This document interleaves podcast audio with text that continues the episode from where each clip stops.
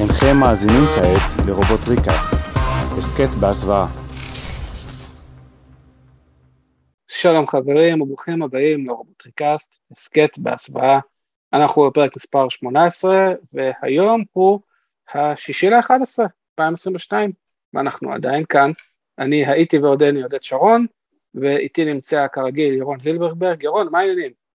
בסדר גמור עודד, מה נשמע? מה שלומך? איך החיים? לאט לאט, כנראה שלאט לאט. אה, ואיתמר אבידני כמובן איתנו, איתמר מה קורה? אל תשאל, שיחקתי באולינג, היה לי ספליט, אחד נופל, אחד עומד. זה הטור של החיים במשחק באולינג, פחות או יותר. וחיליק חיימוביץ' כמובן, חיליק, חזרת אלינו, מה העניינים? ביי, מייקל ביי. זה הכל. מייקל ביי. אה, וכן, זה היה מיני ספוילר, ספוילר של איזה עשר שניות על מה אנחנו הולכים לדבר היום חברים, היום הולך להיות פרק תוכן על הסרט הראשון של מייקל ביי ב-2007, הלא הוא הרובוטריקים, ובשביל זה כמובן החזרנו את uh, זיו פלדמן, האיש שלנו בכל מה שקשור לסרט הראשון שלי, שלישי, רביעי, חמישי של רובוטריקים, זיו, מה העניינים? שכחת את במבלבי. שכחת את שבת. שלישי, רביעי, חמישי, ו... וגם שבת, כן, לא, אבל שכחת, מעולה, בקיצור, ברוך שובי, ייי. זיו, אם כבר אתה פה, אתה רוצה קצת uh, לספר לנו בארבע שורות או פחות על עלילת הסרט רובוטריקים? ברור, יצירת מופת לכשעצמה. אה, אה, תודה ליוצר אה, מייקל ביי. אבל עכשיו ברצינות, סינופסיס די קצר, רובוטריקים טובים, שקרניקים רעים, מחפשים אחרי ה cube, שזה בעצם ה AllSpark שנותן להם את כל החיים כביכול. הוא נחת על כדור הארץ לפני כנראה כמה מיליוני שנים, מגטרון נחת אחריו, התרסק וקפא בקרח, קצת עשה Skyfire. אה, ובגדול אה, כל הסיפור מתחיל מילד בשם סם וויטוויקי, שבעצם אה, מייקל ביי שינה את ספייק לסם, שהשם יהיה יותר מתאים. רוצה לקנות רכב, קונים לו רכב, מסתבר שזה בעצם במבלבי הרכב הזה, ביחד הם מחפשים אחרי ה AllSpark, רודפים אחרי השקרניקים. במבלבי לוקח אותו לשאר הרובוטריקים, ביחד הם מוצאים את הקבר של מגטרון, שורה תחתונה מגטרון מתעורר לחיים, קרב גדול במחוזות אחת הערים ליד אה, הוברדם, והסוף ידוע מראש, מגטרון מת בפעם הראשונה מתוך מאה בערך, והרובוטריקים ניצחו, ייי. תודה, תודה. אפשר להמשיך. זה היה סינופסיס okay. אוקיי. כמו חג יהודי, נכון? כאילו, ציפיתי שבסוף זה ייגמר ב... ואז ישבנו ואכלנו, ביק... כאילו, בואו לאכול. ביקשתם את שתי דקות. אוקיי, okay. אז אחרי uh, הפירוט של הסרט הזה בואו ניתן כמה פרטים טכניים. אז הבמאי, כמו שאמרנו, uh, מייקל ביי, uh, כאשר הסרט עצמו עלה להם לעשות אותו שיו... uh, 150 מיליון דולר, משהו כזה, אבל הוא עשה גרף בכל העולם 709 פלוס מיליון דולר, אה, שזה ממש נראה לי מעל ההשערות של כל אחד אה, על אה, סרט רובוטריקים שירוויח. הסרט היה באורך של שעתיים ועשרים וארבע דקות, שזה די ארוך. המדובבים בסרט החזירו, היחיד שהחזירו נראה לי מה, מהסדרה המקורית של ה-G1 זה את פיטר קוין שדובב את אופטימוס פריים, אה, את מגטרון דיבב אה, יוגו וויבינג שזה Agent סמית או רד סקאל או שר הטבעות, את מי הוא שיחק? לא ראיתי שר הטבעות, אז אה, מישהו יכול להשלים, שיחק גם שם. שר הטבעות, פרסיליה מלכת כן. המדבר. וכל האחרים זה היה דובבים שיש את השמות אבל אין לי מושג מי הם. נראה שאותו מדובב גם, שעשע אותי דיבב גם את איירון הייד וגם את ברקייד, שזה לא ידעתי. אה, שברקייד דווקא היה לו תפקיד אה, די מרכזי בסרט, נגיד, כל שאר השקרניקים, הוא היה הכי הרבה זמן. אה, את האנשים, אז סם וויטוויקי זה היה שהיה לו בוף, ידוע לשמצה, מיקל הבן זה מגן פוקס, ג'ון קלר זה היה ג'ון וויט, וכמובן יש לנו פה גם את הצוות של ה-US Military, הצבא, יש לנו פה את ג'וש דוהמל, את אייריס גיבסון, שאני אישית מאוד אוהב וגם פגשתי אותו בעקבות הסרט הזה, ואת האחד והיחיד, אייג'נט סימונס, ג'ון טרטורו, שאני לא מבין איך הוא הסכים להשתתף בסרטים האלה. שחקן ענק, וכל הכבוד, כאילו, הוא היה נקודת ממתק בסרטים, לפי דעתי. איזה עוד מידע אנחנו יכולים לתת לכם, מידע מגניב. זהו, אני חושב. מה שעוד היה מעניין זה שבעקבות כך שאנחנו היינו חברים בפורום הרובוטריקים בהייד פארק, אז עוד לפני שזה היה פייסבוק, הם מדברים על 2007, אז עוד לפני פייסבוק, היה הייד פארק, אז הזמינו אותנו לעשות בבכורה החגיגית בקולנוע שגם הוא כבר לא קיים, בקולנוע שאם מי שזוכר, בעזריאלי היה של קולנוע, עשו בכורה חגיגית עם כל מיני סלבריטים ו... ולקסטרו הוציאו חולצות ועניינים והיה מזה מאוד בלאגן ועשינו להם שם ממש תצוגה של דמויות וכמובן שראינו את הסרט.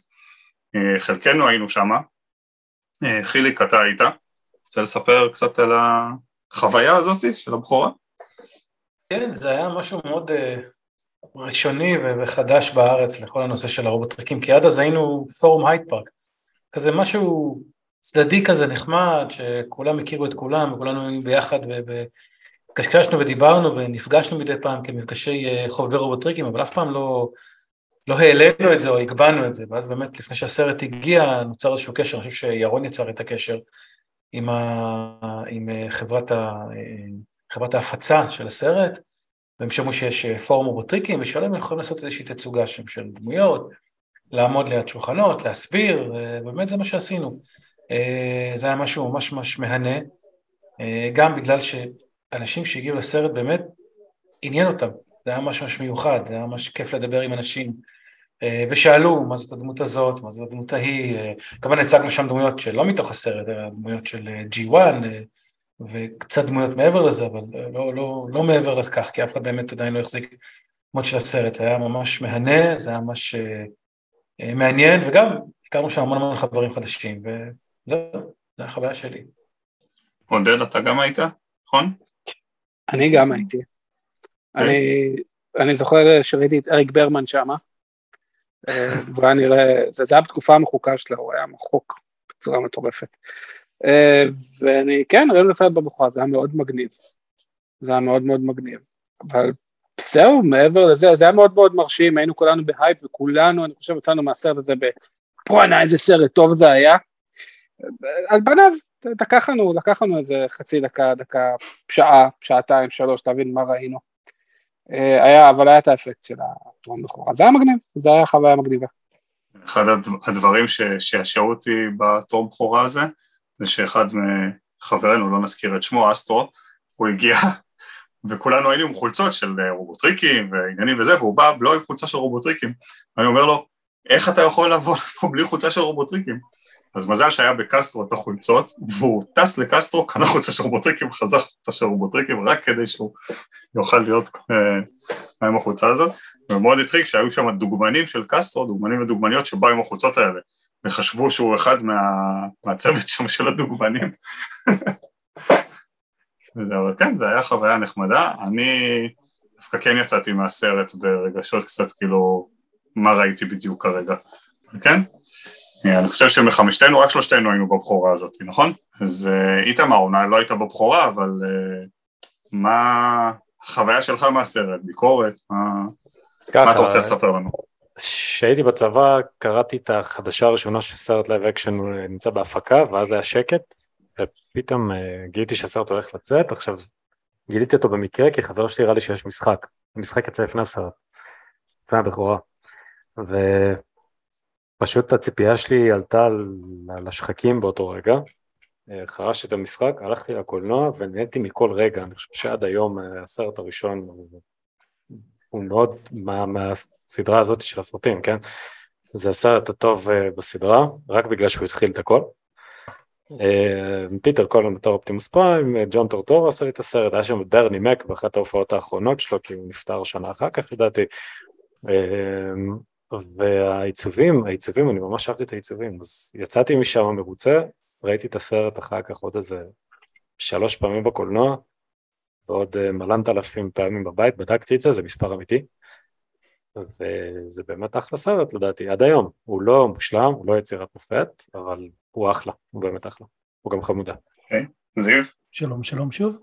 אני לא הייתי חלק מההייד פארק ב-2007, אני הצטרפתי לכם רק ב-2012, 2012, 2013, ויש לי סיפור קטן נחמד אה, על הסרט הזה, שבעצם כמה חודשים לפני שהסרט יצא, פגשתי חבר אחר בקניון ששנינו היינו מאוד מאוד uh, מכורים לרובוטריקים ואז שאלתי אותו נו מה אתה חושב על uh, זה שהסרט עומד לצאת? והוא אמר לי תקשיב כל עוד הם לא נוגעים בקול של אופטימוס פריים של פיטר קאלן לא אכפת לי משום דבר אחר שיעשו מה שהם רוצים עם הסרט כמה שהוא צדק אבל ממש כמה שהוא צדק.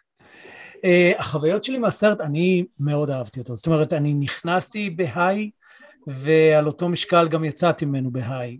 זה לא היה G1, זה לא היה דומה ל-G1, אבל זה לא היה אכפת לי, כי א', הם לא נגעו לי באופטימוס פריים, וב', אמ, היה משהו בחוויה הזאת שהוא היה מאוד ראשוני. הסצנה הזאת שבה רואים בעצם את אה, במבלבי מגיע ו- ורואים את כל הרובוטריקים מגיע עם, עם אה, סאם ורואים את כל הרובוטריקים מגיעים ואז את אופטימוס בסוף והוא הופך לאופטימוס זה, זה קטע באמת באמת אה, מיוחד. אה, קטע מבחינתי שהוא היה מאוד מרגש. הסרט עצמו, אני מאוד אהבתי אותו, הוא היה בנוי נכון, הוא התחיל לאט ולאט לאט הוא התגבר עד שבאמת הבום של בסוף הוא לא היה מבולבל מדי, הוא לא היה מבולגן מדי, הוא לא היה G1 בכלל, אבל הוא כן היה סרט רובוטריקים פר, פר אקסלנס. אני אישית מאוד מאוד אהבתי אותו ויצאתי ממנו גם בחוויה מאוד חיובית. אבל גם היו צדדים אה, אחרים שעליהם בטח נפרד בהמשך, הדברים השליליים. אני אשאל אותך ככה, בוא נגיד ככה, אתה אומר זה לא היה G1 והוויזואליות וזה, כשראיתי אותו וכל פעם שראיתי אותו, הקרבות הפריעו לי, כי ויזואלית הקרבות היו ערימה של בלאגן בצבע. נכון. בגלל המגבלות אנימציה, הכל. זה נגיד לא היו יותר מדי בלאגן. הם אומרת... היו מספיק בלאגן כדי שלא ממש תראה מה הולך שם, אבל בגלל שהיה voice over על כל דבר, עזוב את זה שכל בערך שורה שנייה הייתה more than meets the eye, more than meets the eye, יש בהמבורגר הזה more than meets the eye, יש בצופר של האוטו הזה more than meets the eye, כל מיני כאלה, אבל הקרבות עצמם זה היה כאילו, הרי האנימציה הייתה מוגבלת ב-2007 יחסית בשביל יחסית. כל מה שהם ניסו להציג, אז הקרבות היו אה, בליל של צבע, וזה נגיד האספקט היחיד שהפריע לי באותו זמן, כי כשאופטימוס לא ומגטון רבים בסוף, mm-hmm. אתה פשוט רואה אדום וכחול ואפור, אדום וכחול ואפור, עץ, אדום וכחול ואפור, תעלה, אדום וכחול ואפור, נגמר.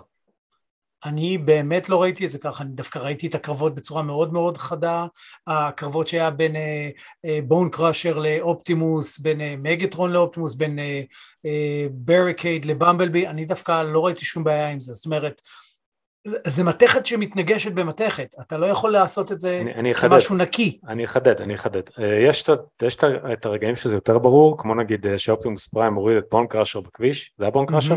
נכון, זה היה בון קראשר. ויש את ברי אה, שקופץ לבמבל בי והם מתגלגלים וזה. אני מדבר על הקרבות, נכון. קרבות ממש, כאילו פנים מול פנים, לא מישהו קופץ על מישהו ועוברים מחוץ לפריים. לא כאילו- היה את זה הרבה וזה היה דווקא די מסודר, אני חושב שבסרטים, בסרטי ההמשך זה כן התחיל כל הבלגן הזה והבליל הזה, אבל בסרטים האלה לדעתי הם היו טובים, לדעתי זה היה מאוד מסודר, כי היו לך גם מעט מאוד רובוטריקים. נראה לי שחיליק רוצה להגיד לנו משהו. כן, זהו, אני גם, אה, כן. לא, אני, מה שנקרא מתפרץ לדלת פתוחה, אני די מסכים אה, עם איתמר בנושא הזה, אבל אני חושב שזה לא רק על מגבלת האנימציה. אם תחשבו ש... עד אותה תקופה השינוי צורה ב, ב, של G1, של אנימציה, הייתה אנימציית, אה, אנימציה רגילה מה שנקרא, אנימציה קלאסית, גם כשניסו לעשות קצת אנימציה ממוחשבת איפשהו קצת פה ושם לפרסומות וכאלה, אבל בגדול זו הייתה אנימציה רגילה. כאן בעצם לקחו את זה צעד אחד קדימה. וכל שינוי הצורה עם כמות מטורפת של פאנלים, של חלקים שנכנסים ויוצאים, ואני פעם ראשונה שראיתי את השינוי צורה של, אופטימוס פריים, כשתזכרו יש איזשהו קלוזאפ על הפנים שלו, שפאנלים נכנסים ונחשפים ויוצאים וזזים ופה ושם, ימינה, אני הייתי בשוק, נכון. ויזואלית. ואני חושב שחלק מהעניין שאיתמר אומר, ובצדק שזה נראה לו סוג של בליל, כי באמת הם היו צריכים גם לשמר את התאימות של אה, אה, שינוי צורה עם המון המון המון פאנלים והמון המון פרטים שנכנסים ויוצאים וזזים, ושוב, מרשים בטירוף בשביל סרט ראשון. אה, ומצד שני, לייצר מצב של נלחמים, ו- ו- ויש קרבות, ויש לפעמים חלקי, חלקי אה, מתכת שזזים לפה וזזים לשם. אז זה היה חלק ממגבלות האנימציה, ואני כן, כן מסכים איתם בקטע הזה. אבל אני קצת עושה איזשהו ברייק קטן. אני חייב להגיד לכם שהסצנה הראשונה במדבר, כשבלקאוט, המסוק, נחת כביכול, וכולם, כל החיילים שם צעקו מה זה, מי זה וכן הלאה, ואז התחיל שינוי צורה. לא אופטימוס היה הראשון, לא מגטרון היה הראשון, היה בלקאוט.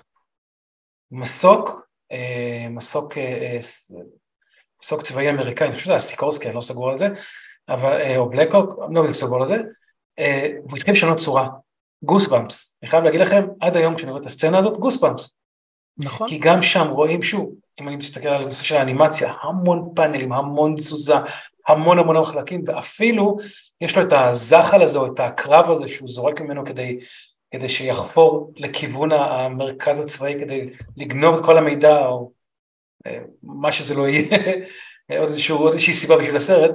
אה, גם הנושא הזה של, של התחפות בתוך חול יחסית אותה תקופה, זה היה יפהפה, ויזואלית. ותמיד כשזה היה רובוט אחד על אחד, זה היה יפהפה. ברגע שהוספת כמות גדולה, זה היה מאוד קשה, וזה מתחבר לנושא הזה, כמו שאיתמר אמר. אבל ירון נראה לי גם כן ישמח להוסיף כרגע משהו. גם רוצה, לח... אה, אני מסכים עם איתמר, אני רוצה לדבר על הסצנה הזאת שאמרת. זה הסצנת פתיחה של הסרט. זה מה שאמור לה, לעשות לך את הוואו של הסרט. אז באמת ההפיכה, כאילו בלקאוט מגיע, כאילו רואים את הבן אדם הולוגרמה כזה, שכאילו שנבין אנחנו הצופים שזה לא אה, בן אדם אמיתי, הוא משנה צורה, אבל אחר כך, הקרב אחר כך, זה לא רובוט נגד רובוט, זה יש רק רובוט אחד, את האנשים. אבל לא רואים את הרובוט בכלל, רואים פתאום טנקים עפים, משאיות עפות, פיצוצים, ואז רואים את בלקאוט זז ימינה ויורה קצת, ואז רואים עוד פיצוץ פה, עוד פיצוץ, כאילו לא רואים אותו גורם לדברים האלה, פשוט הוא ברקע כזה, וזה, וזה לא קרב של רובוט נגד רובוט, זה רק כאילו הוא מול, ה, מול הבסיס שם. זה ההתחלה. וזה, כן, אבל אני אומר גם פה, אבל גם פה לא נתנו ביטוי לרובוט, אוקיי? וזה שעושים כזה שואו מטורף, כאילו באמת סצנת פתיחה מעולה אה, מאוד, ואחר כך מכזה שואו מטורף עוברים לכזה סרט דליל של התיכוניסט הזה שמנסה למצוא חברה ומנסה אוטו וקונה אוטו חדש וכל זה שלמשך איזה לא יודע חצי שעה ארבעים דקות של הסרט זה מתעסק רק בזה, זה כאילו מאוד מוריד מה, מההתחלה ומה, ומהסוף שהוא גם כן כאילו הקרב הזה וגם עד שמגיעים לסוף הזה יש כברת דרך שמתעסקת באנשים ובטינג'רים האלה שכאילו זה לא מה שרצ...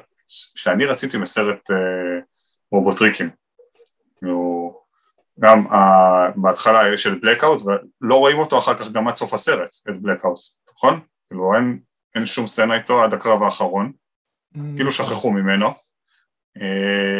סקורפנוק רואים אותו לעוד שנייה וחצי והמטוס מוריד אותו, סקורפנוק זה הקרב הזה שיוצא ממנו, ואחר כך יש את במבלבי בעיקר ואת בריקייד קצת, ורק לקראת הסוף, הסוף, הסוף, הסוף, אז הרובוטריקים מגיעים גם כן, הם חייזרים שיש להם, בכל הסדרות יש להם חלליות וזה, אז לא, פה עשו אותם עם מטאורים כאלה שמתרסקים על כדור הארץ ובתור כאילו מגינים, הם מתרסקים על קניון, מתרסקים על אצטדיון, מתרסקים על זה, כאילו, לא יודע כמה אנשים הם הרגו בזה שהם הגיעו ופוצצו חצי מהעיר שם, איזה אחד מהם מתרסק לתוך בריכה וכמעט דורך על איזה ילדה שהוא יוצא מה, מהמים שם, כאילו משהו מטורף כזה, וזה אחרי בערך שעה וחצי של סרט. ו... וגם השקרנית עם מגאטרון, סטארסקרים, מי יודע שם, ברול שזה דבסטייטור קראו לו שם, הם מגיעים כזה לשנייה ממש בסוף של הסרט, נלחמים קצת וזהו. אז כאילו... מה לעשות, זה עניין של תקציב אבל. זה אבל... לך המון המון לא, כסף. נכון, אבל זה, זה סרט שנקרא רובוטריקים, והרובוטריקים מופיעים שם בערך ב-15% מהסרט. אז כאילו, זה יותר עלילה של סם וויטוויקי ומסעו אחרי uh, חיפוש מכונית, ולא כמו שאתה הצגת בהתחלה, ש... uh, זה, שסם ובמבלבים uh, מחפשים את הקובייה, לא היה מין מסע כזה ממש. ככה אני מרגיש את זה, וגם הקטע של, ה... של הסוף, שאחת הדמויות האהובות עליי, ג'אז, Take two. אומנם עשו, עשו, כאילו, עשו חוזה עם GM קודם כל, ואז בגלל זה לא יכלו לעשות שהם יראו, ראו כמו שאנחנו רגילים ל-G1, שאין לי בעיה עם זה, אני אוהב שעושים שינויים וזה, ובחרו לו דווקא רכב מגניב, אבל הוא גם עושה קצת שטויות וזה, ומגרטון פשוט חותך אותו לחצי. כאילו שזה דמות מאוד מאוד מרכזית, רובוטריקים, ג'אז. אז זה היה מאוד מאכזב הקטע הזה. לא יודע, הקטע עם, ה, עם הקובייה, שאופטימוס פריים אומר לסם, תכניס, תכניס את זה אליי, הוא מכניס את זה למגרטרון, כאילו למה לא יכולת מלכתחילה להכניס את זה לתוך מגרטרון ולסיים את זה? לא יודע, כל מיני קצת דעות, אני יודע, התפזרתי, ועודד רוצה גם להגיד משהו. בבקשה עודד. באמת? אוקיי, אני אגיד משהו. אז ככה, הסרט בנוי שוב מכמה חלקים. אז יש את ה... רוב הסרט זה אה, טינאייג'ר רוצה טינאייג'רית, מצליח להביא טינאייג'רית, על הדרך הוא פוגש רכב. זה החלק המרכזי של הסרט. יש את העלילה הצדדית של הסרט, שזה אה, בלונדינית אוסטרלית שהיא גאונה בטירוף, עוד trait שיהיה בכל הסרטים של מייקל ביי, משום מה, כל, ה... תקשיבו, מדעניות זה העם הכי יפה בעולם לפי מייקל ביי, אין דברים כאלה. כל המדעניות זה ויקטוריה סיקרט smart, מטורף. אז המדענית הגאונה שמה אה, צריכה לפענח איזה משהו, מגלה איזה תדר, אף אחד לא מקשיב לה כי היא מדענית, בלה בלה בלה בלה בלה, היא בסוף איכשהו פוגשת איזה אה, מישהו אחר, אה, ואז ביחד הם פורצים את זה, ואז הסקטור 7 עולים על זה אז זה, זה השני, ובקיצר יש, יש איזה כמה side quest quest, אבל ה quest הראשי שאנחנו לפחות חשבנו שזה רובוטריקים, הוא אולי quest ה, כמו שירון אמר, אולי החלק הרביעי או החמישי של הסרט מבחינת חשיבות. זאת אומרת, בני אדם מגלים שיש רובוטריקים, בני אדם רודפים אחרי רובוטריקים, רובוטריקים רודפים אחרי בני אדם, בני אדם עוד פעם רודפים אחרי רובוטריקים, משתפים פעולה עם הרובוטריקים, יש מגטרון, כל זה קורה בחצי שעה האחרונה של הסרט. עד אז, אה, תתכוננו ל rom-com מוזר עם בחור שרוצה להתחיל עם בחורה, ו... בצורה הכי מייקל ביי שיש, ומדענית מאוד מאוד חכמה מסתבר, וכל זה, זה פשוט היה overkill, זה היה overkill של יותר מדי בני אנוש ופחות מדי, מה שהכי פחדנו, מה שהכי פחדנו ממנו. כן יש קטעים משעשעים עם פרנזי, וכן יש קטעים משעשעים עם במבלבי, וכן יש קטעים משעשעים עם... הסרט, כשאתה מפרק אותו לגורמים, הוא הרבה יותר מורכב ממה שזוכרים, אבל בסופו של דבר מה שזוכרים זה מה ש... בסך הכל העילה הראשית, העילה המשנית, וזהו, כאילו, הרובוטריקים היו ממש לקראת הסוף, מה ש... אה, הגדה של הצבא, שהצבא נלחם בסקופונוק, יש איזה קטע במדבר, שספציפית הצבא נלחם בסקופונוק, מורידים אותו, לוקחים את הזנב שלו או משהו, מפענחים שהם רגישים לנלפלם, נפלם, כאילו, באמת, זה מתכת, נפלם זה, זה לוגיקה, בסדר, לא נורא, מדענית הייתה עסוקה במקום אחר, אה, סבבה, כאילו, אין, אין מה להרחיב על הדבר הזה, ג'אז חוץ מלהגיד וואטסאפ uh, ביצ'ז, אני יכול לשבת פה ולמות, להיות בחתוך שתיים, אני חושב שהוא עושה משהו. עודד, אני רוצה להגיד לך תודה, כי את הקטע הזה של המדענית, שכחתי לגמרי. עכשיו שאתה מדבר, פתאום זה, שכחתי לגמרי שהיה את הקטע הזה עם ה... וג'ון וויט שעושה שם איזה גלגלון בסוף בקרב. רגע, אבל שכחתם שעם המדענית היה, היה את האפרו, אפרו מדען, כן. אתה מבין? זה סרט, my advisor. זה סרט שכבר היה diverse עוד אז, זה סרט מאוד פרוגרסיבי.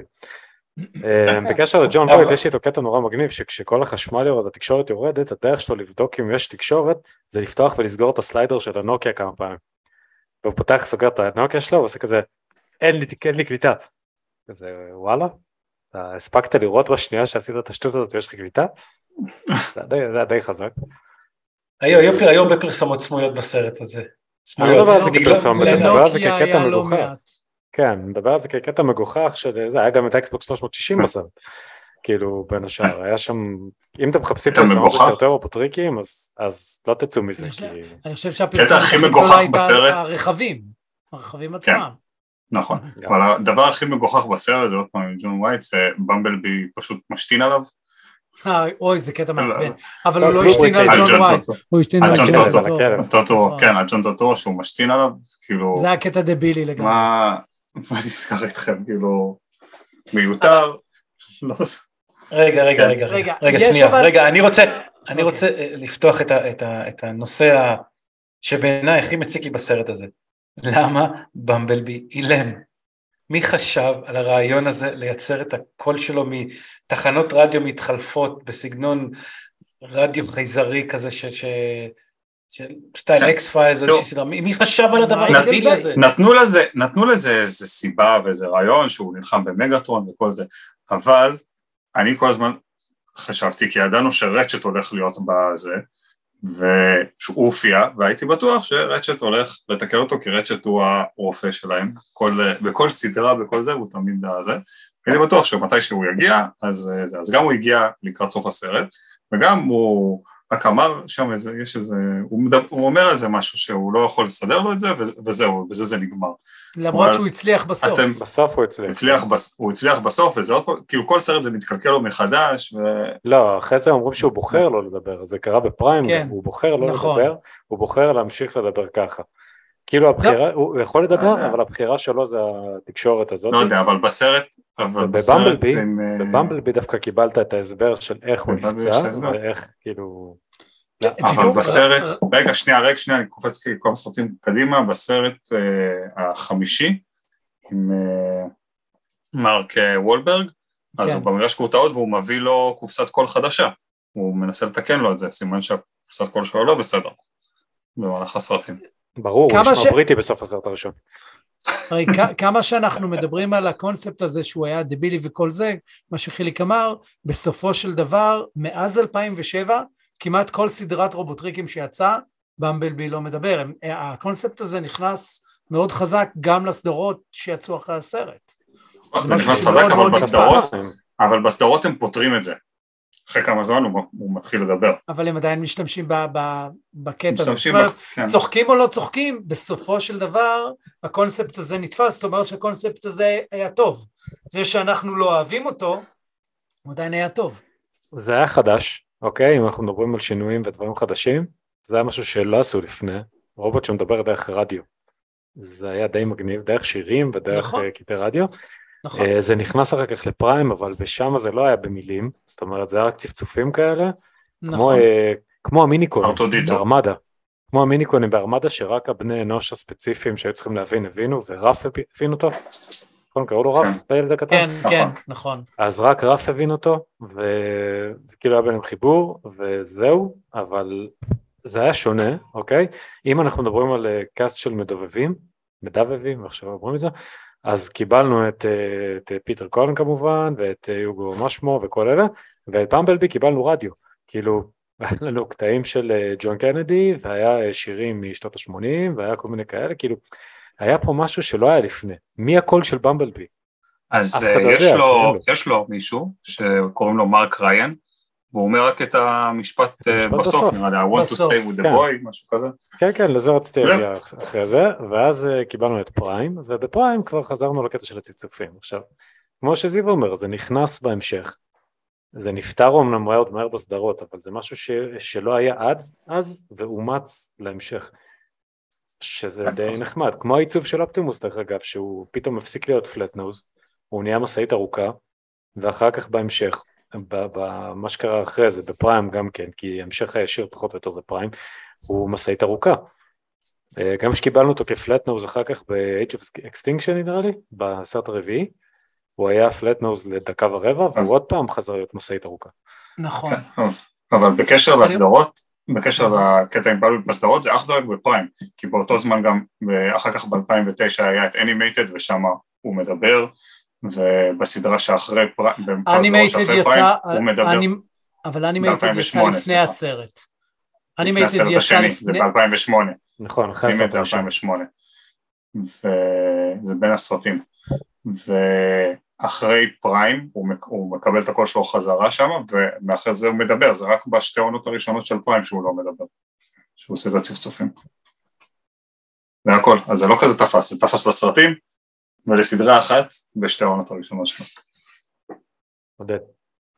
אה, וסייברברס, עונה ראשונה של סייברברס. סייברברס אה, כן ולא, כי כאילו הוא לא ידע כל כך לדבר, אבל כשנכנסו איתו לתוך המ- למוח שלו אז הוא כן דיבר. צ'יטים. זה, וזה, אה. וזה גם, הם פתרו את זה תוך שישה פרקים בערך, את העניין הזה. העניין הוא כזה, אה, אני לא יודע אם אתם זוכרים, אבל אני זוכר, כי כמו כל דבר של מייקל ביי עושה, גם בסרט הזה היו החלטות שהיו הרבה יותר גרועות, והוא חזר בהן לפני שהסרט יצא. האחת מהן, זה, אה, וזה היה הכי מצחיק בעולם, אף רובוטריק לא היה אמור לדבר. אף אחד. כולם אמרו לדבר בצפצופים. ואנשים קמו עליו ואמרו לא, זה לא יקרה, הם לא רובוטים סתם, הם cybernetic beings, ואתה תיתן, תיתן את מה שניתן להם, אז הם, הוא שינה את זה. כמו שבצבי הנינג'ה, צבי הנינג'ה להזכיר לכם, הם היו צריכים להיות חייזרים בסרט שלו בהתחלה, ואז גם את זה הוא שינה. אמ, זהו, לגבי התוספים של במבלבי, זה, זה אכן היה מרגיז, זה היה מרגיז כי זה נפתר בסרט הראשון. זה נפתר בסרט הראשון. סוף הסרט הוא יודע לדבר, ואז בסרט השני הוא שכח. זהו, זו זה הבחירה לא- שלו, זו הבחירה שלו אחרי זה לא לדבר. זה הקטע. הוא בוחר לא לדבר. הוא עשה הרבה בחירות גרועות בסרטים האלה. אחת מהן זה. להשאיר את ספייק ווטוויקי בלי ספייק, את אה, סם ווטוויקי, בלי לזרוק אותו מאיזה חלון אחרי איזה חמש דקות, כי כל הסרט גער בו וצעק עליו, כל הסרט השני והשלישי. הוא נהיה הפרדן דה פן, הבמבל ביט שלו, וזה היה מאוד מרגיז. אה, וזה הסרט בהכללה, אנחנו, הסרט הראשון היה... הדבר שהכי הפריע לי אפילו ב- ב- באולם אני זוכר, היה לי רגע, רגע קרינג'י, חוץ מה There is more than meets the eye with you, היה איזה קטע שאני כבר כאילו התפתלתי בכיסא, וזה הקטע הכי מטופש שראיתי אי פעם.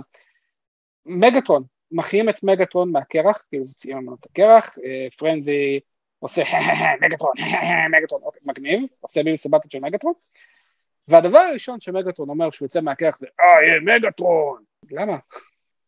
כולם שעה מדברים עליך, יודעים מי אתה, אתה פה, אתה גוש ענק מכוסה בקרח, כולם בפאניקה מטורפת להתעורר, הדבר, תגיד מה שאתה רוצה, אל תגיד, אה, יהיה מגטרון, הוא לא היה מגטרון, הוא אה, היה MB01. NB1, כן. אבל ספייק ווטוויקי המלשן הזה, ספייק, סם ווטוויקי, הוא כבר הלשין לכולם שזה מגטרון, זה לא היה צריך, הוא צרח שם. אתם לא מבינים, זה מגטרון, זה מגטרון, מצד שני, באמת, מצד. שני, המשפט הראשון של אופטימוס פריים לא היה I am אופטימוס פריים, זה היה המשפט השני שלו. המשפט הראשון שלו זה are you, sir וויטוויקי, descendant of Archibald וויטוויקי, my נכון. name is אופטימוס פריים. זה היה כזה... אוקיי, הם דחו את זה, ומה- הם דחו את זה. ומה המשפט השני בערך של מגלטון היה? הרי הוא אמר את זה ואז שינה למטוס החייזרי הזה, You failed החוצה, me again. ואז למסטארסים you failed me again, סטארסקים, כאילו, לא ראית אותו אפילו בכלל, אבל זה- אבל יודע כל כך מתאים. בסדר, זה מה היה רציתם כל שהוא כך יגיד? אבל זה- מתאים. אבל הם סתם. זרקו משפטים בשביל כאילו המעריצי G1 בלי קשר, אבל זה עבד. הקשר, וזה- זה לא עבד, אבל זה עבד, זה לא היה קטע, כשרואים את זה לא חושב שזה ואת. ביחד, לא יודע, לי זה עשה סוג של חיוך שלא יכלתי למחוק אותו מה- מה- כן. מהפרצוף. זה-. זה היה כיף, זה היה כיף. אני- אני רק- אני רק רוצה לספר משהו אחד שכן, שתי דברים קטנים, שמצד אחד ממש אהבתי ומצד שני ממש שנאתי. דבר אחד שממש אהבתי, אני לא יודע אם אתם זוכרים, את הפעם הראשונה שרואים את במבלבי בסרט הזה, בעצם שהוא עוקב אחרי uh, סם כשהוא בא לקנות את הרכב, ואז במבלבי חונה ליד חיפושית צהובה, ישנה. נכון, נכון. היה בזה ממש משהו, היה בזה משהו שהוא היה קריצה ענקית למעריצים, וזה הראה שבאמת מייקל ביי, למרות שהוא חושב על הגרסה שלו, זה, זה כאילו, אוקיי, זה היה G1, היה נחמד, ראיתם? ביי. עכשיו זה שלי. אני אישית מאוד אהבתי את, ה, את הסצנה הקטנטונת הזאת. מצד שני, מה שמאוד לא אהבתי, וזה קצת עצבן אותי, ואני לא יודע אם מישהו שם לב לזה, אבל אופטימוס פריים היה מבחינת העיצוב שלו קצת רודימוס פריים, עם הצבעים והאש וכל הדברים האלה. איירון הייד היה קצת טרייל ברייקר, ראצ'ט היה קצת בראון מבחינת הצורה של הרכבים, במבלבי היה סאנסטריקר, וג'אז היה ג'אז, היה הדבר הכי קרוב שאפשר ל- לאיזשהו רכב שהוא באמת כמו ה-G1.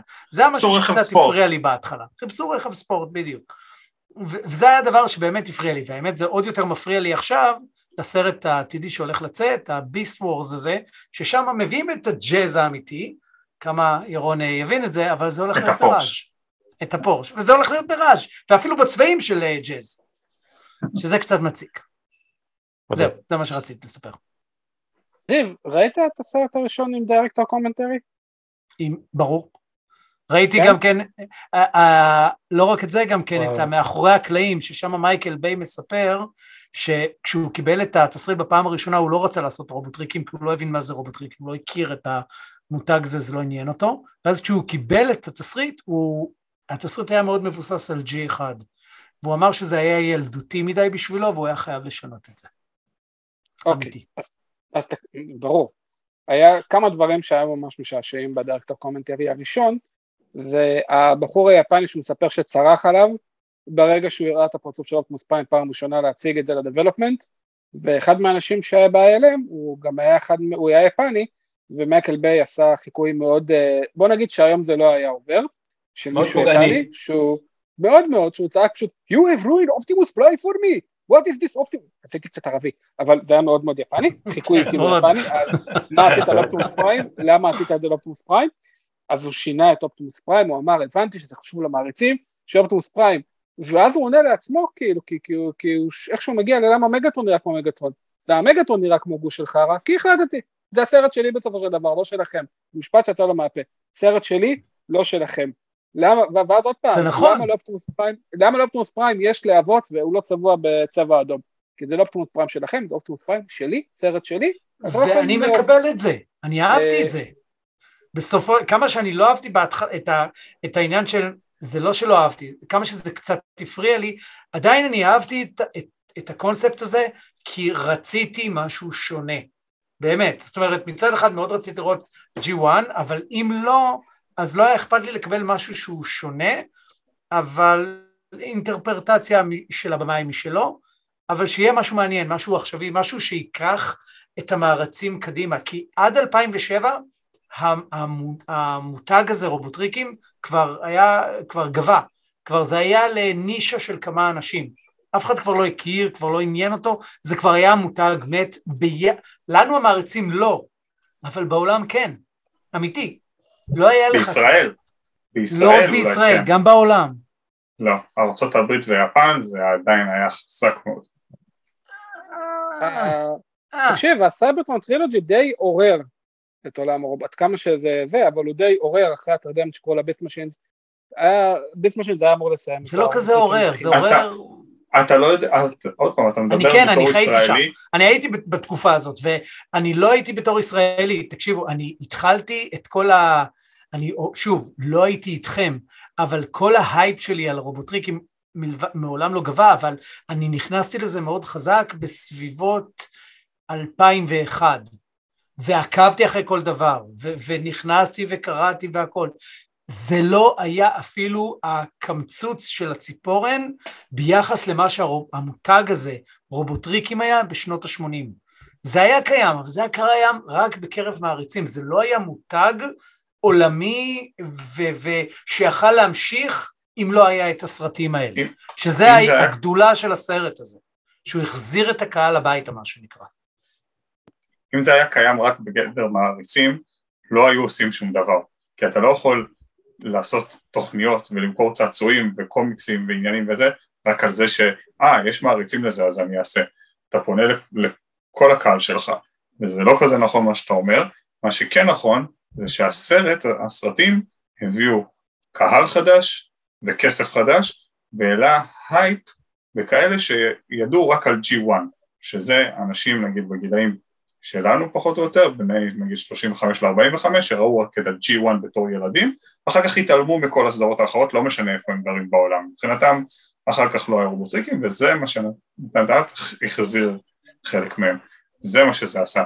אבל אף חברה לא עושה מרצ'נדייז uh, וסדרות ודברים רק בגלל שיש מעריצים.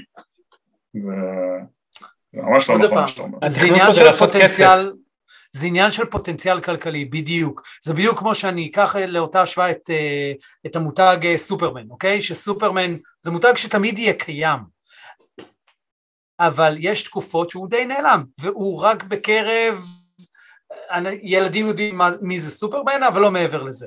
והסרטים, הסרטים שיצאו מאוד עוררו את זה. אתה יודע מה, זה אפילו יותר היה עם בטמן, שהיה לך מצב של דעיכה.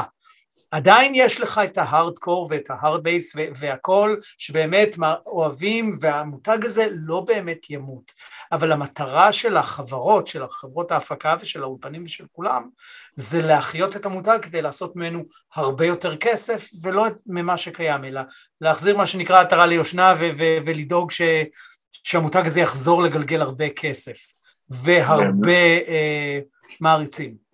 נכון, וזה מה שהסרטים עשו.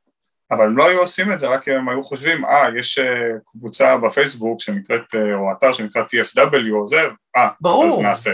הם לא היו עושים ברור, את זה. ברור, אבל, זה היה על אש מאוד קטנה, ואתה רוצה להחיות את האש הזאת, זה. אתה רוצה לעורר, ואין לך כן. דרך אחרת, היה, אלא אם כן זו הייתה סדרה ממש טובה, וזה כבר לא עבד בתקופה הזאת, או ללכת על uh, סרט feature ש, שהוא באמת uh, יהיה משהו שונה וחדש וגדול, וזה מה שהם עשו. Okay. אוקיי. ובזה עדיין הגדולה של, זו הגדולה של ביי, של מייקל ביי. זה לא הגדולה של ביי, למייקל ביי אין שום גדולה. אמרו לו בוא תעשה את זה, ונתנו לו בוכטה של כסף, והוא עשה, הוא, אם לא היו באים אליו, הוא לא היה יודע את זה ולא היה עושה את זה אף פעם. זה לא כן, שהוא בא הם... ואמר וואי יש פה הזדמנות מטורפת, הוא לא בא אליהם, הם באו אליו.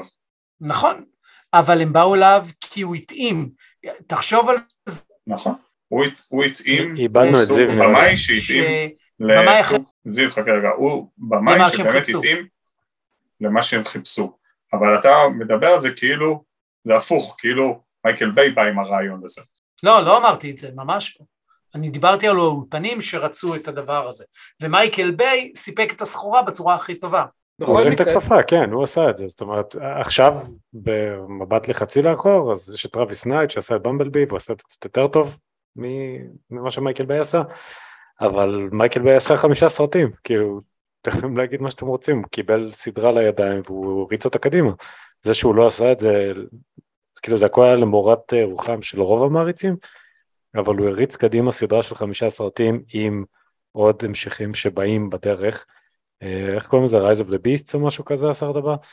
אה, זה הכל מבית היוצר שלו, יש לו שני סרטים של צבי הנינג'ה עליו, ויש לו חמישה סרטים של רובוטריקים פלוס משהו בדרך. זאת אומרת, עם כל הרעש וכל הבלגן, הוא עדיין הרים את הכפפה והוא כן נתן משהו, ואני חושב שבפורום הנוכחי, אה, זיו ואני מסכימים שחוץ מהסרט החמישי, למרות שזיו חצי מסכים איתי על זה, אה, הסרטים הם בסדר, הם לא עד כדי כך נוראים, אני יודע שאנחנו במיעוט. אה, הסרט השני סבבה, הסרט השלישי מבחינתי זה באמת... אני מת על הסרט השני. השני סבבה, השלישי לדעתי זה השיא, אבל כאילו החמישי זה הכי נפילה, אבל הוא הרים, מייקל ביי הרים סדרה, אני לא אוהב אותו כבמאי, הדבר היחיד שאני אוהב שהוא עשה זה The Last Chip, שזה בכלל סדרה. לא, The Rock. מה זה? The Rock.